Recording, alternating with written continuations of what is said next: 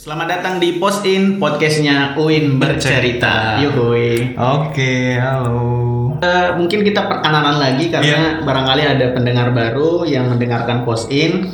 Kenalin nama gue Sola, gue da- gue juga gue member Uin bercerita, tepatnya di Content Development. Gue dari Fakultas Dirosat Islamiyah. Ya, halo, perkenalkan nama gue Zidan. Gue juga member dari UIN Bercerita Divisi Content Development. Gue jurusan jurnalistik.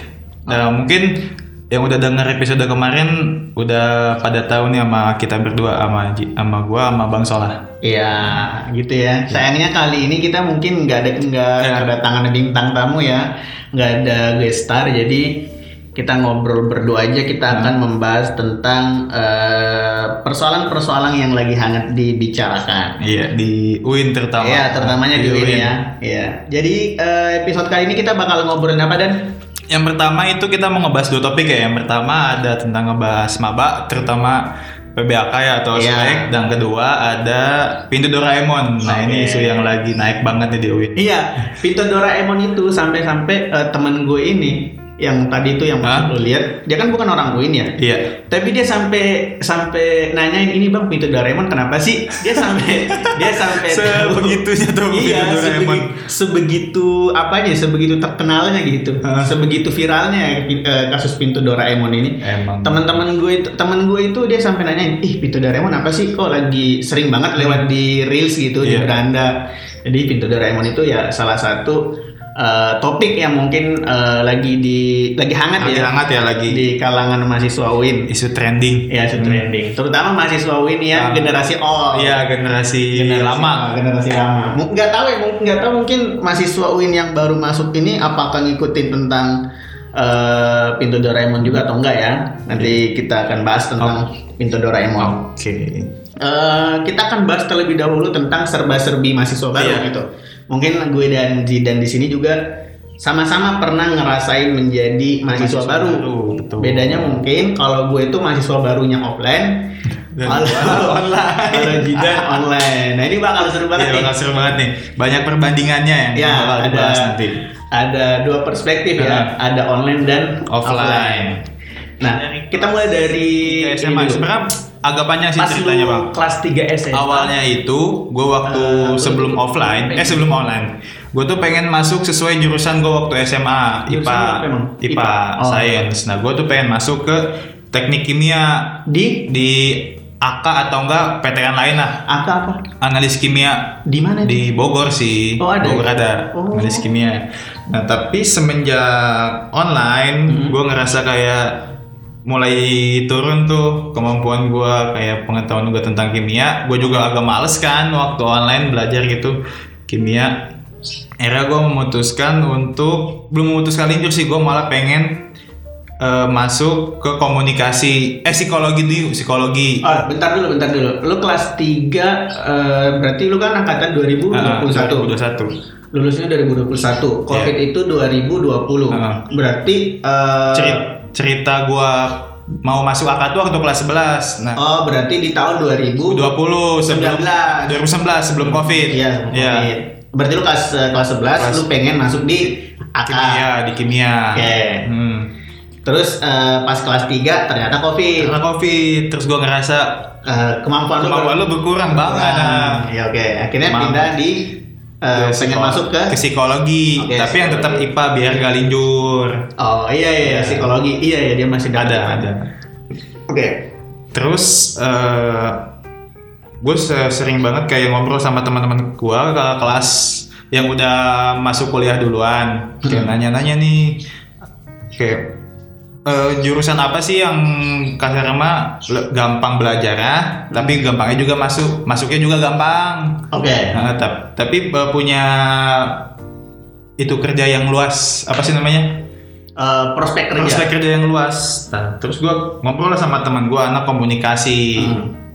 Dia jelasin tuh komunikasi gini-gini belajarnya juga nggak terlalu sulit kayak jurusan yang lain. Hmm. Nah, akhirnya gue ngerasa kayaknya cocok nih sama gue.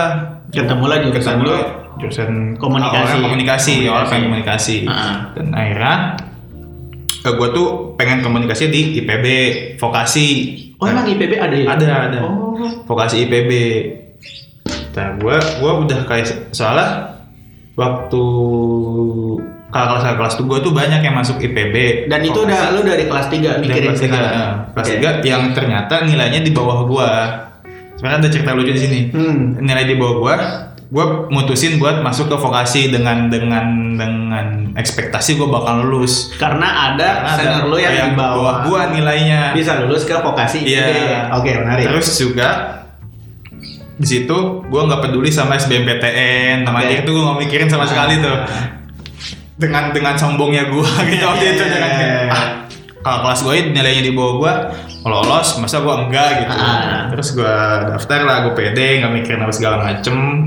Pas dibuka, pas pengumuman ternyata nggak lolos.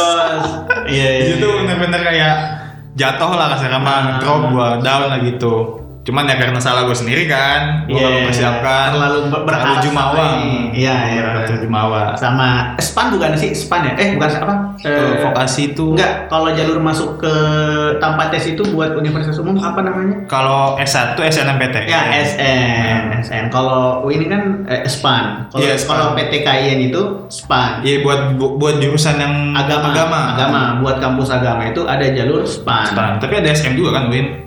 Ada ada tapi buat jurusan-jurusan Umum. umumnya eh, akhirnya lu pilih berarti lu masuk UIN itu lewat jalur SB enggak. Nah, gue SD, gue gue ntar gue cerita lagi. Ah. Setelah nggak lulus, akhirnya gue mutusin buat SBMPTN dengan waktu yang cuman berapa bulan ya? Sebulan setengah kalau nggak salah. Sebulan setengah dengan dengan persiapan gue yang masih nol pada saat itu. oke 11 oh iya buat masuk di PB Buat masuk SBMPTN, buat masuk Oh, SBMPTN. Iya. Ntar lu tembakannya itu beda lagi nih. Ah. Heeh. Jadi kan pas pas awal gue ngajak linjur, ya gue linjur buat ke psikologi sama komunikasi. Hmm. Soalnya komunikasi nggak ada nggak ada IPA kan. Hmm. Nah, gue linjur dengan waktu satu setengah bulan. Yang di mana teman-teman gue yang linjur tuh udah kayak nyiapin enam bulan, tujuh bulan, satu semester. Oh, gitu ya? Iya. Gue dengan bodohnya gue dan sombongnya gue, gue cuman memutusin linjur tuh setelah nggak masuk vokasi komunikasi Iya iya. Sempet- Tapi emang gua nggak nggak nggak nggak tahu ya benar-benar gua nggak tahu. Ah. Lintas jurusan itu emang se se mengeri bukan sesusah itu ya sampai harus mempersiapkan belajar sampai berapa bulan gitu. Eh, dibilang mengerikan sih sebenarnya nggak terlalu ya tergantung lu pindah pindah dari mana ya Hmm. gue dari so- dari sains ke sosum itu sebenarnya nggak terlalu susah menurut gua Hmm. Tapi dari sains ke eh, dari sosum ke sains itu yang lumayan Iya pengen. lumayan berat ya. Iya iya. soalnya kan kita kalau misalkan kita linjur kan kita lawan kita yang udah belajar tiga tahun kan Oh, iya. yang udah lebih dulu kita harus Oh, ngejar dari iya, nol iya, kasar iya, mah. iya.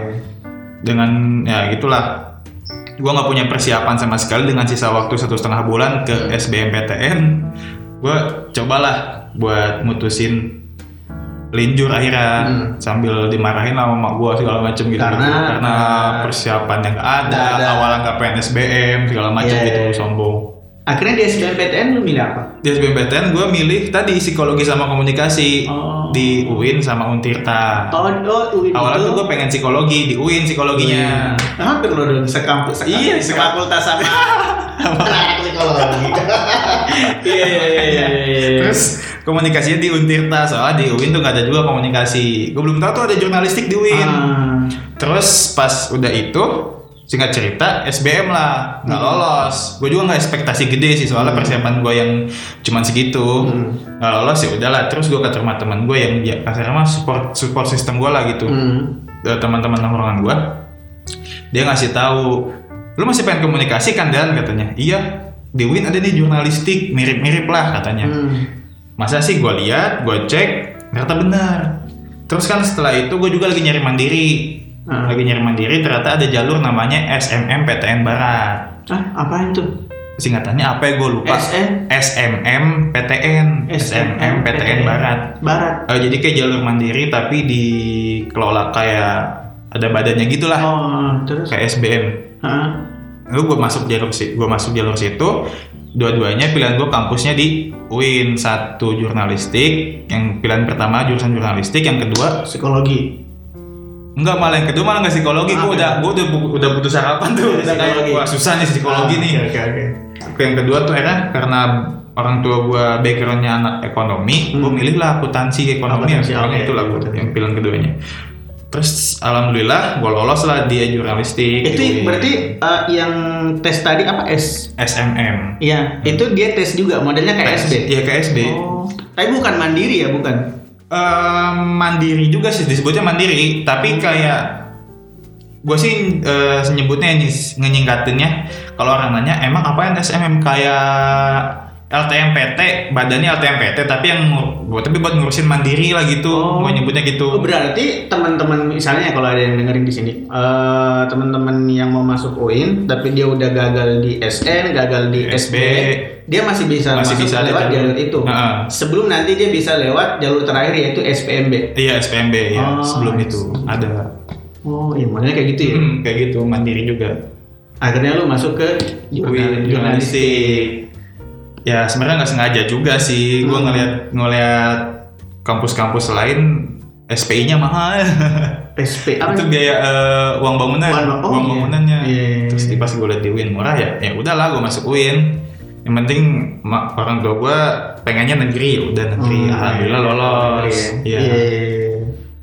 alhamdulillah lolos dari situ Iya kalau bisa, iya gue juga tuh dulu eh, nggak expect juga masuk UIN ya. Hmm, gue tuh kayak karena gue emang nggak pernah ada niatan buat jadi pilihan gue itu waktu kelas 3 kelas 12 ya kalau sekarang yang punya kelas 12 ya iya Eh, waktu gue kelas 12 pilihan gue itu cuma lanjut di eh, sekolah tingginya pondok gue Hmm. oh berarti lu pesantren dulu Gue pondok. Oh, pondok Pondok itu punya sekolah tinggi. Heeh. Gue lanjut di situ eh, atau enggak gue kuliah di Unhas, Universitas Hasanuddin. oh iya iya Itu salah satu universitas bergengsi di Indonesia Timur. iya Diambil jurusan sastra Arab tentunya kan, karena Iya, basic gue di background. Arab. iya Basic gue di Arab, gue udah nggak mikir matematika, ekonomi apa segala macam gitu. Karena emang gue anti sama yang begitu-begituan.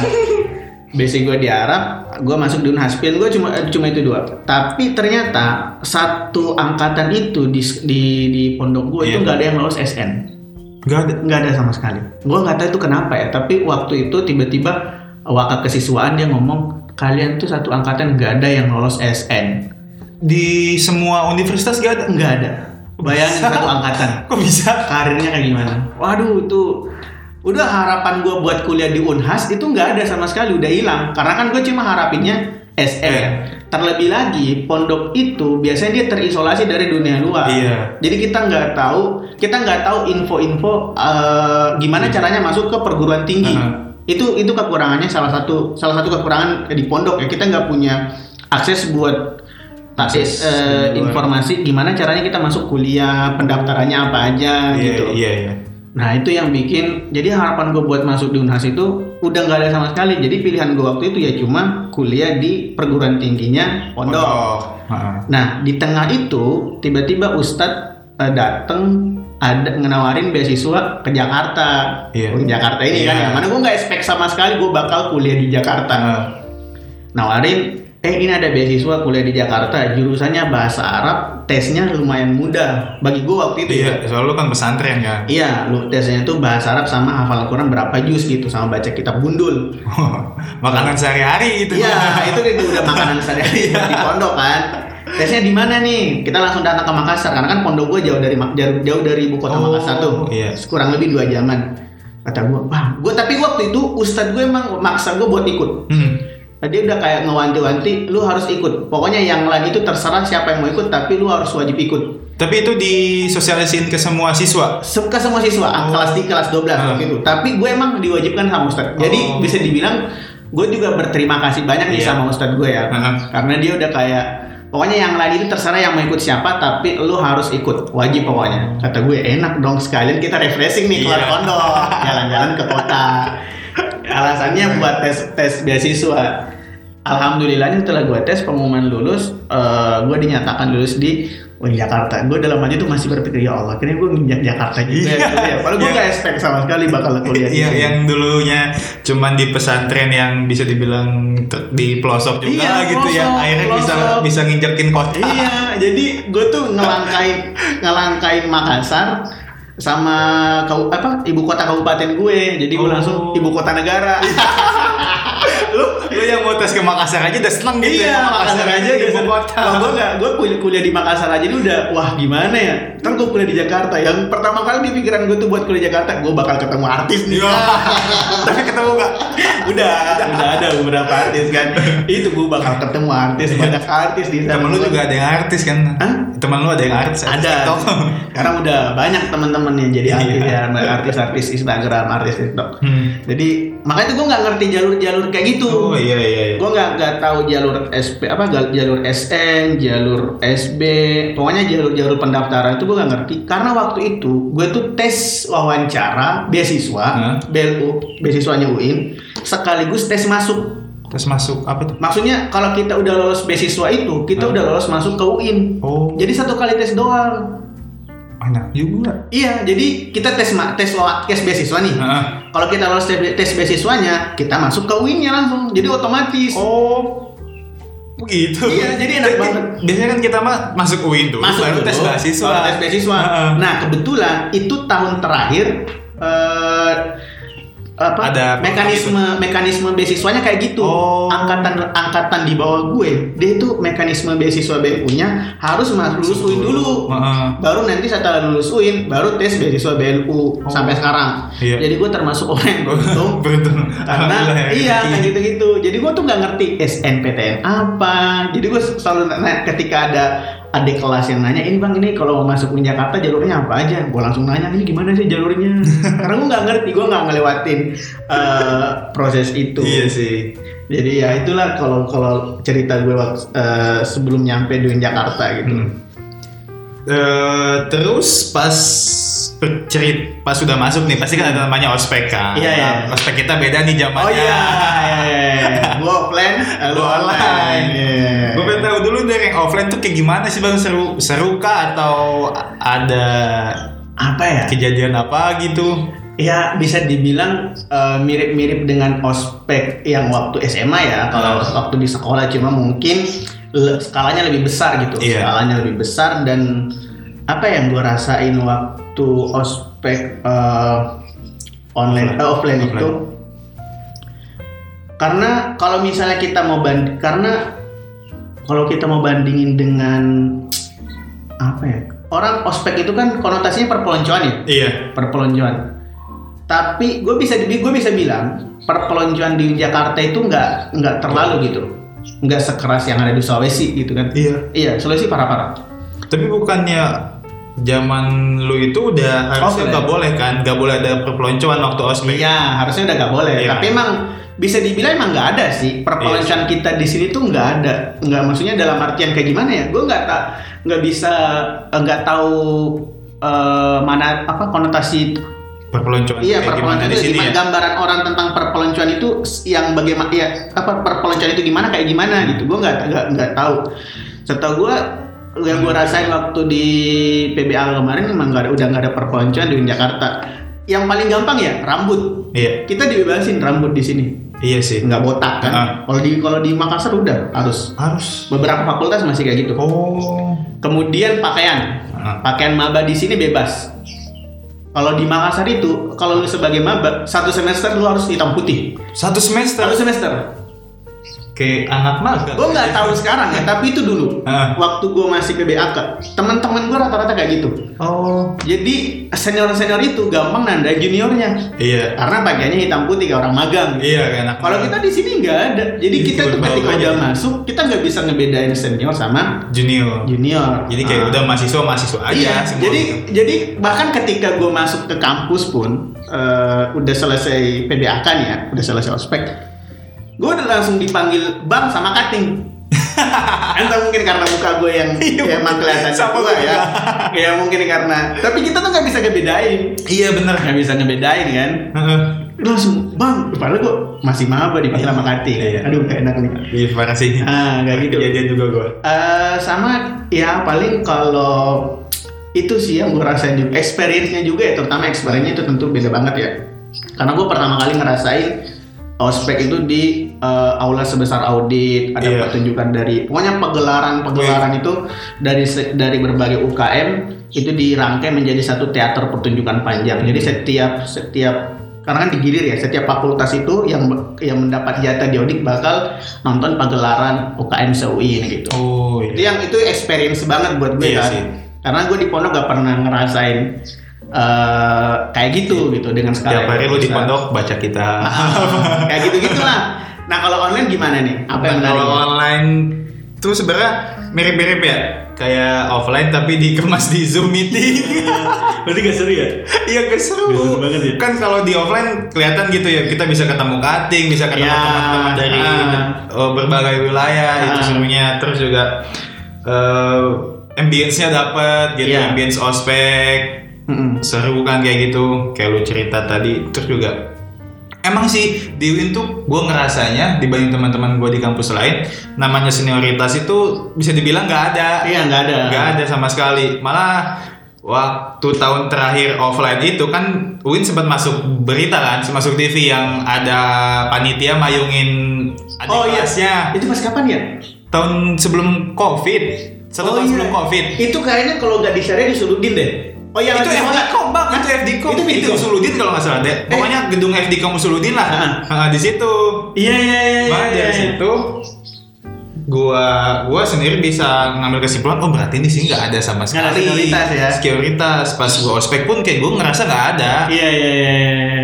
Eh, bu, eh, fun fact-nya ya, waktu gue daftar ulang, itu kan gue ditemenin sama bokapnya teman gue. Ah. Ya bareng daftar ulangnya bareng sama gue. Kebetulan bokapnya itu dosennya eh di dosen juga di Makassar. Oh, iya. Makassar. Bokap nyokapnya kan, dosen di Makassar kita ditemenin. Habis itu dia heran. Ini cuttingnya yang mana ini? ini panitia pendaftaran yang mana? Kok nggak ada bedanya? Dia tuh herannya karena dia ngelihat mahasiswa-mahasiswa baru itu nggak diperlaku dipeloncoin sama kating-katingnya. Jadi kita tuh kayak dirangkul, ditemenin, Bener, diantar. Nah kalau kalau di Makassar itu beberapa eh, ini dari dari dia yang cerita ya.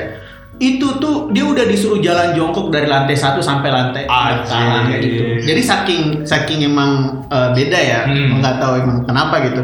Tapi ini pengakuan dari dosennya sendiri. Makanya dia tuh sampai sampai heran ini yang cutting yang mana, yang Hmm. maba yang mana, Iya, nggak iya. nggak ada bedanya gitu. Bener. Oh ternyata sempat masuk TV ya? sempet sempet masih tahun ba- ajaran baru juga beberapa kali berita itu keluar lagi Hmm. Nah, kayak di Win beneran gak ada senioritas. Nggak ada gue juga kaget sih kayak nggak ada ini senioritas kayak di kampus lain. Iya, Asik iya, banget iya. kata gue tuh kayak ngerasanya enak tapi kayak ada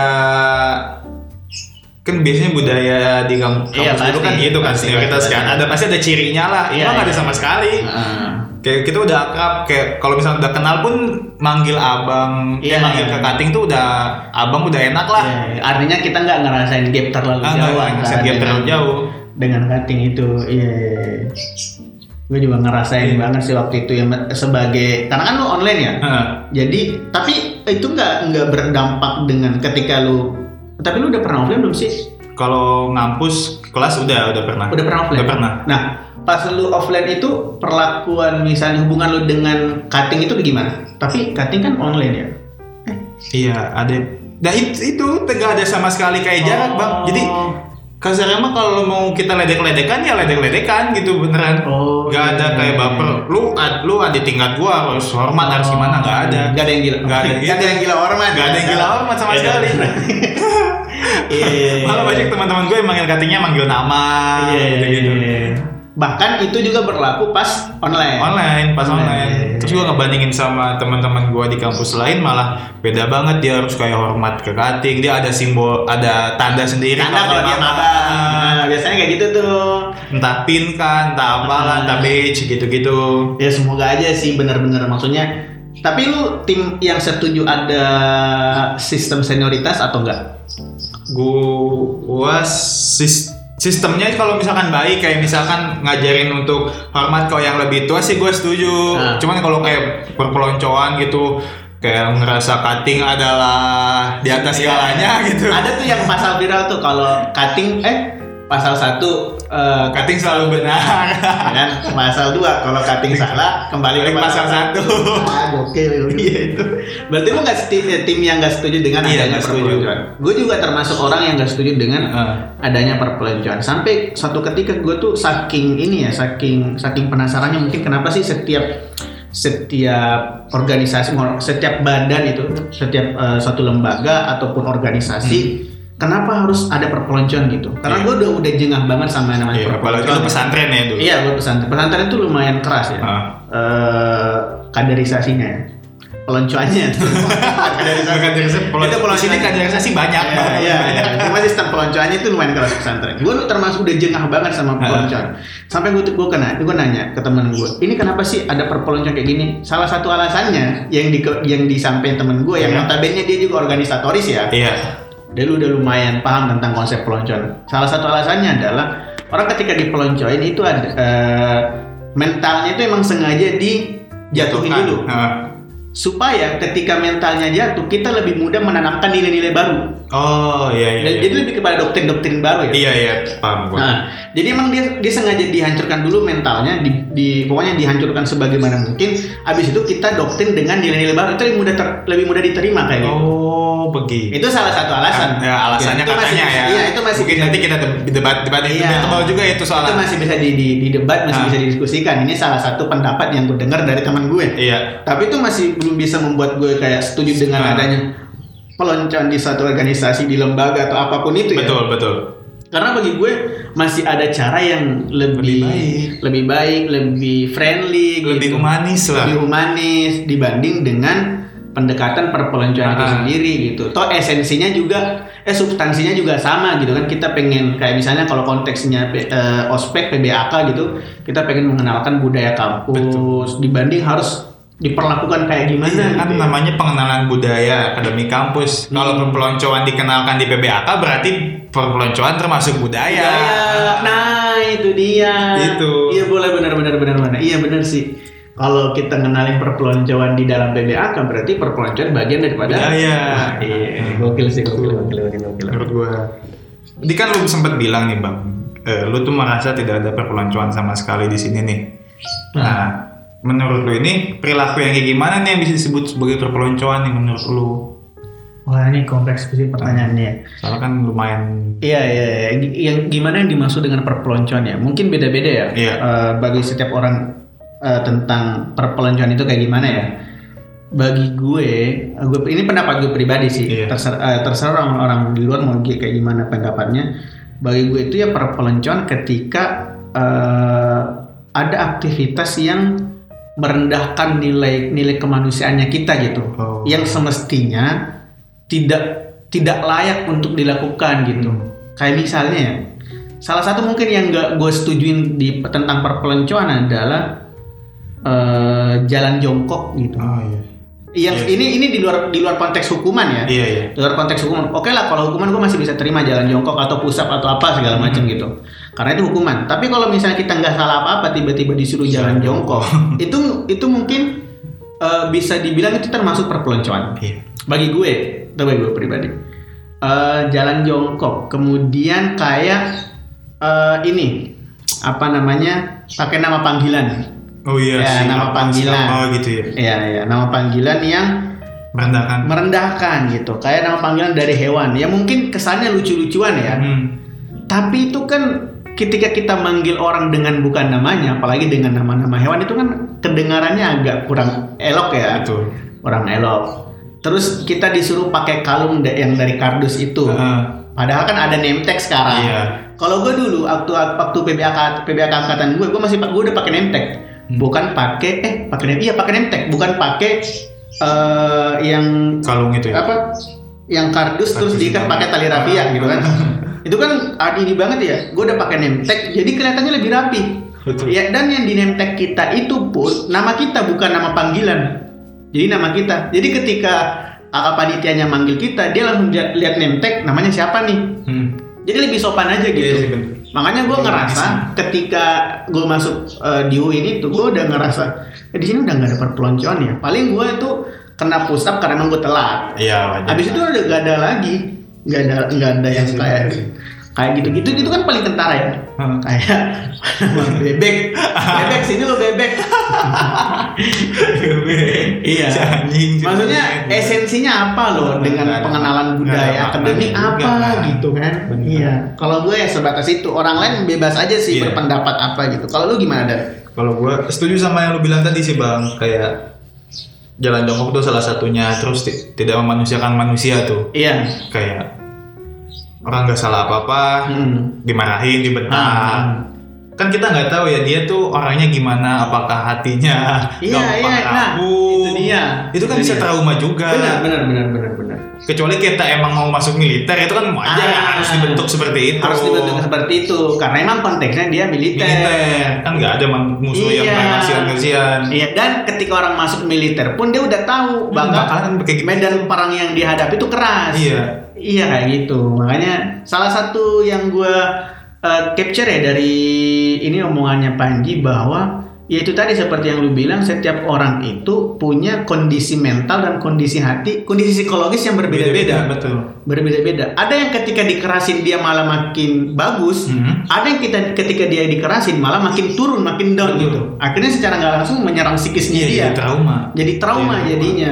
Iya benar-benar benar itu. Kan itu. juga takutnya nih kita ada juga beberapa orang termasuk gua kalau misalnya dibentak balik tanpa ada sebab musabab terus terus gua bisa ngebentak balik terus malah jadi kasus kan Iya, jelek nah, juga iya. nama gua Benar benar benar benar. baru maba udah udah gitu. bikin kasus. Heeh. Iya, iya, iya.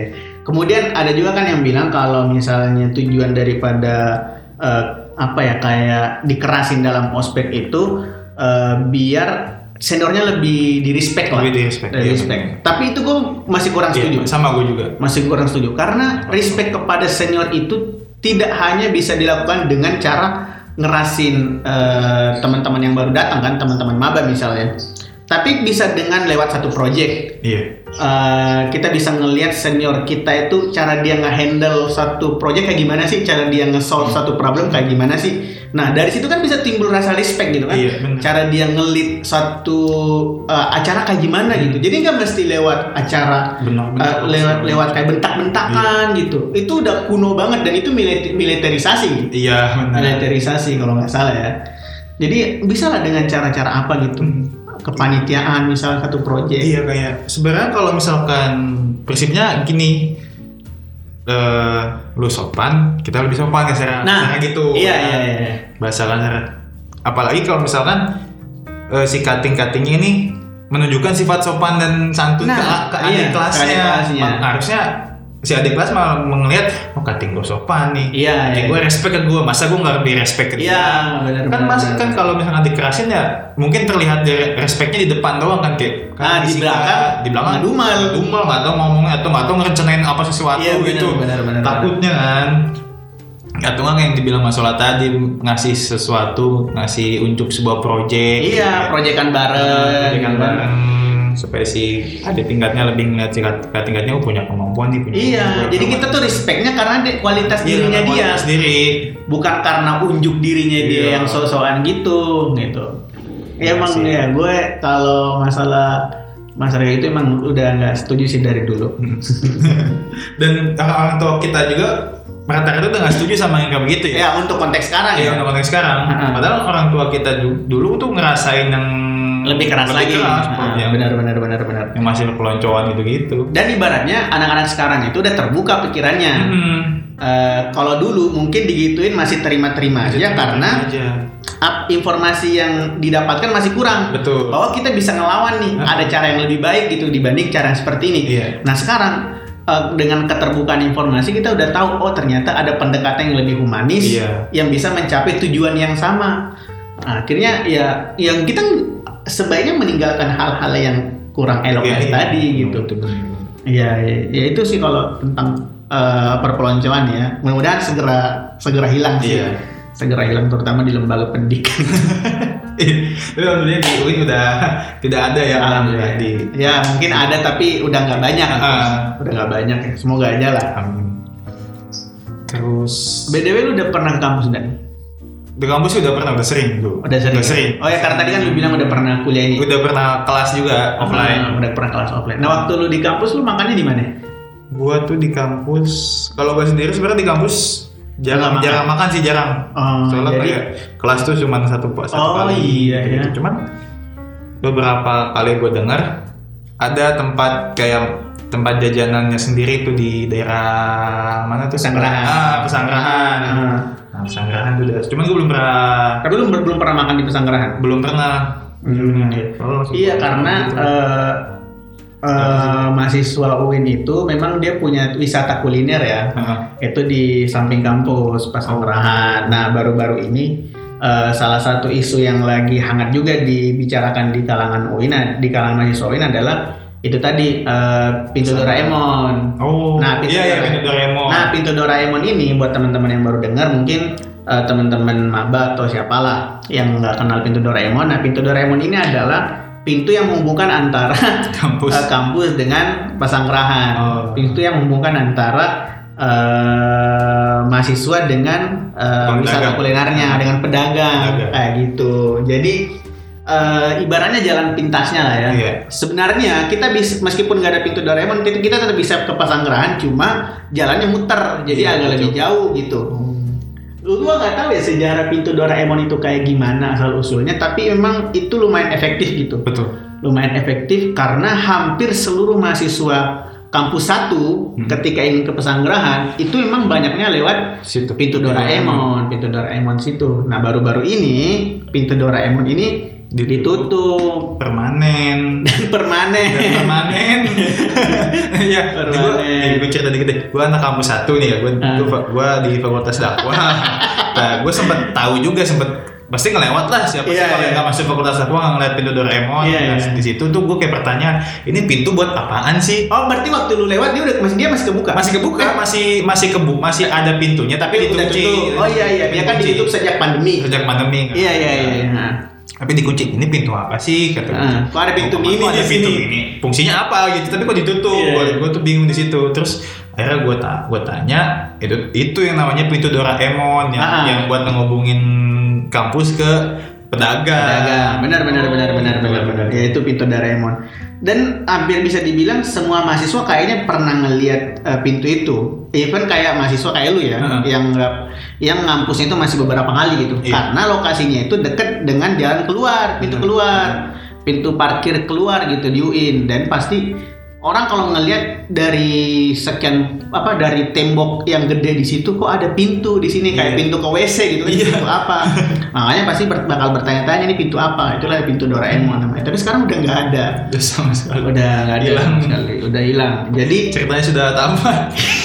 Iya teman-teman yang mau dengar yang mau baca tentang pintu Doraemon nanti eh, kita di Win Bercerita udah tayang hari ini per hari hari ini kita tagnya hari Rabu ya. Iya, Rabu. Jadi udah Tayang tayang hari Rabu, tanggal hari Rabu 24. eh, tanggal 24 itu udah tayang di IG-nya Win Bercerita. Itu ada kisah edisi spesial tentang pintu Doraemon.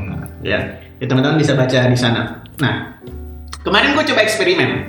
Apa tuh? Gue penasaran, gimana sejauh apa sih kalau misalnya kita muter ya? sejauh apa kalau kita muter?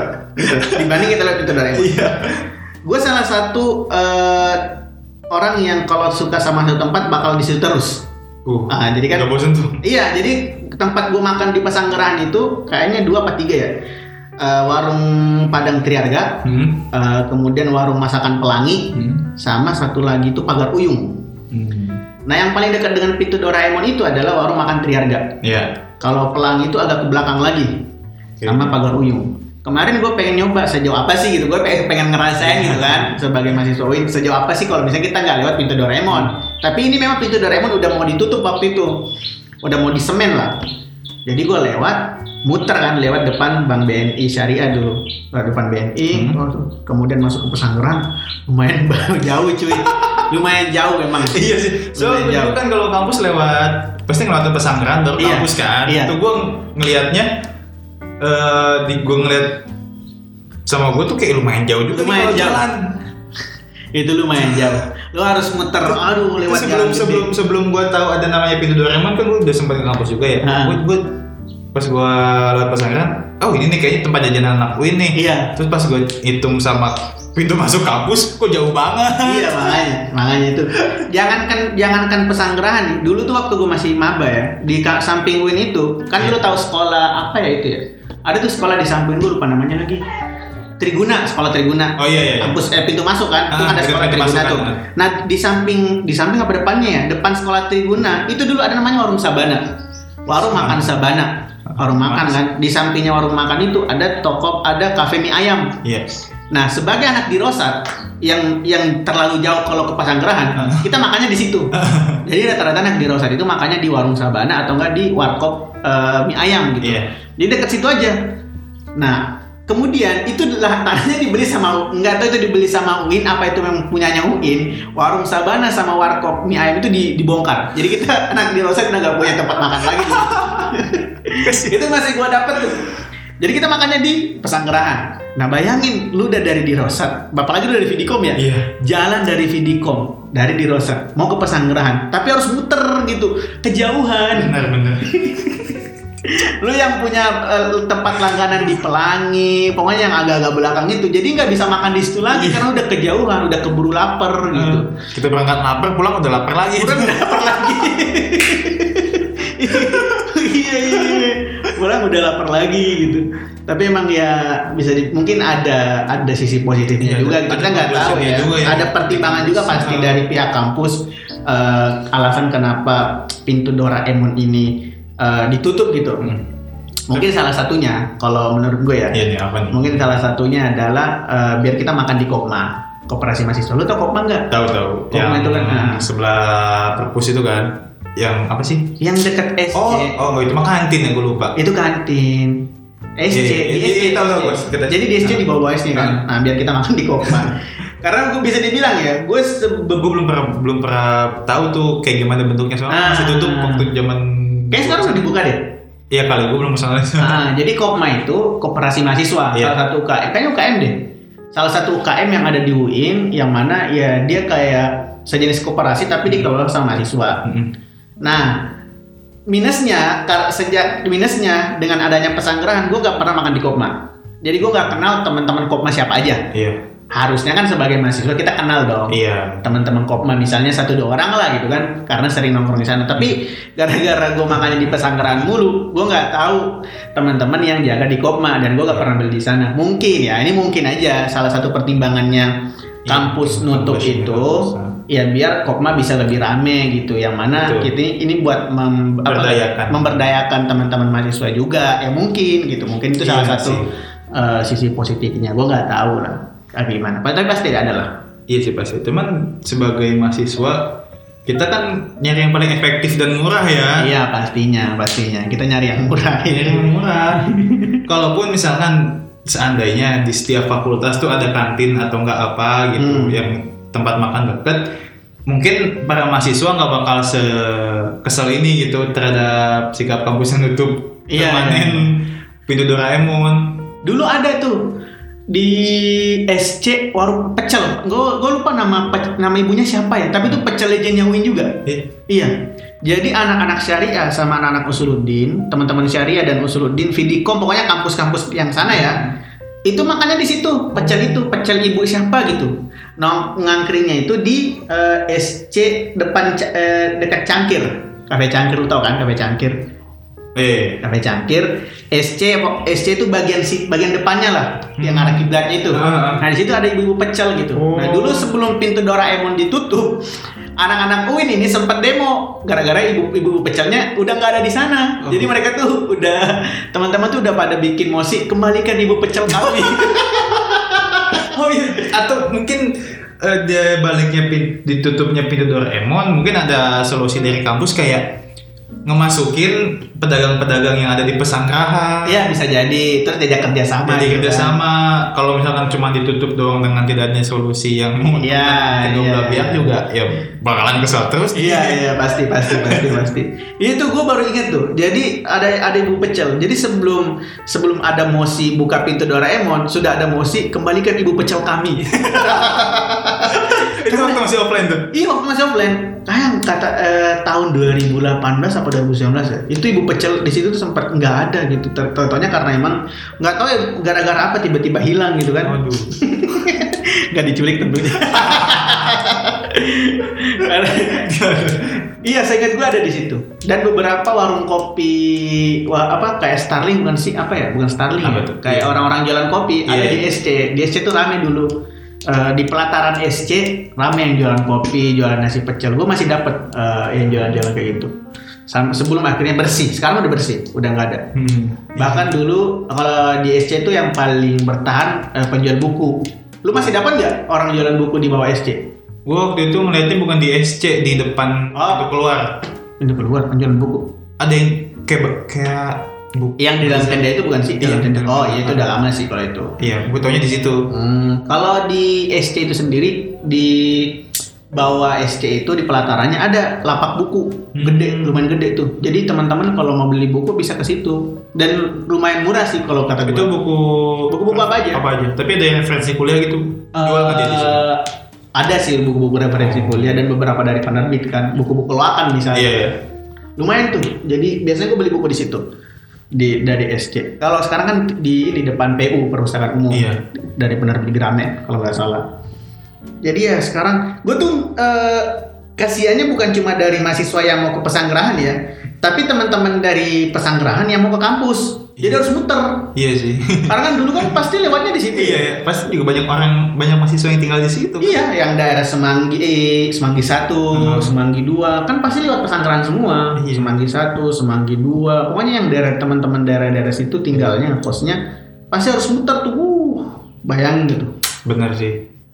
Ya banyak-banyak bisa dibilang eh, banyak apa ya? Banyak yang menyayangkan gitu ya. Banyak yang menyayangkan. Banyak yang menyayangkan. juga. Kenapa pintu Doraemon ini ditutup? Eh, mungkin ya terutamanya teman-teman maba ya Hmm. udah nggak bisa ngeliat lagi nih Iya, nggak bisa merasa. bentukannya pintu Doraemon tuh kayak gimana Hanya tinggal kenangan. hanya tinggal kenangan apalagi kemarin pas PBAK hari pertama itu emang udah nggak ada pintu Doraemon di situ udah di semen rata gitu jadi ya ti- ya kalian tinggal dengerin ceritanya aja Iya, pintu cerita, Doraemon kayak gimana jadi kalau ada yang jadi ini salah satu tanda ya, kalau ada yang ngebahas pintu Doraemon fix dia adalah angkatan all Angkatan lama. angkatan lama karena Oh, iya. kenapa Eh, enggak. Eh, soalnya eh, kita tim UP juga udah sempat ngewawancarain pedagang-pedagang ya. Nanti mungkin bakalan kita eh sharing nih. Iya barangkali ya Wawancara kita pedagangnya. pedagangin beberapa audionya ya. Hmm. Nah, karena yang ngerasain pintu Doraemon itu terakhir angkatan 19. Habis itu Covid. Iya benar. Masuk angkatan 20 on- online. Online. Angkatan 21 online. Online. Jadi ya angkatan 19 sekarang udah semester 6. Bentar lagi semester 7. Berarti yang cerita tentang pintu Doraemon itu hanya di, hanya diperoleh oleh angkatan Dan- tua. Fix dia angkatan tua. Termasuk gue. Termasuk gue yang Termasuk Bang ngerasain Soalnya. pintu Doraemon. Iya, iya, iya. itu sih tentang pintu Doraemon ya. Benar-benar. Sekarang tinggal kenangan. Teman-teman bisa baca kisahnya. eh, silakan aja cek di IG-nya Win bercerita. Iya. Kisah berapa tadi ya gue lupa. Pokoknya di situ ada kisah terbaru. Eh, pintu Doraemon. Ini salah satu kisah yang nggak pak nggak nggak mengangkat kisah manusia nih. Iya. Sekarang nih. Ini adalah kisah tentang bangunan fenomenal Iya. yang ada di UIN yaitu pintu Doraemon. Gue juga nggak tahu kenapa dis- bisa dinamai pintu Doraemon ya. Iya. Barangkali mungkin karena dia menjadi apa ya?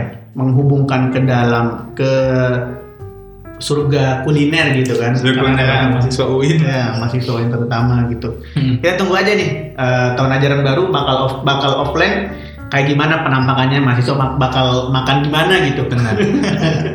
Apakah mereka rela berputar demi harga yang terlalu jauh gitu demi makan di pesanggeran atau enggak makan di dalam kampus atau mungkin bawa Bekal. bekal masing-masing. Oke. Gimana deh? Gue ada tambahan lagi nggak? Eh, kayaknya cukup sih bang. Udah. Oke. Udah lumayan lama juga. ya. Oke, berarti episode kali ini cukup sampai di sini dulu ya. Terima kasih teman-teman semua yang sudah mendengarkan. Sampai jumpa di episode berikutnya. Bye bye. Kita di mana?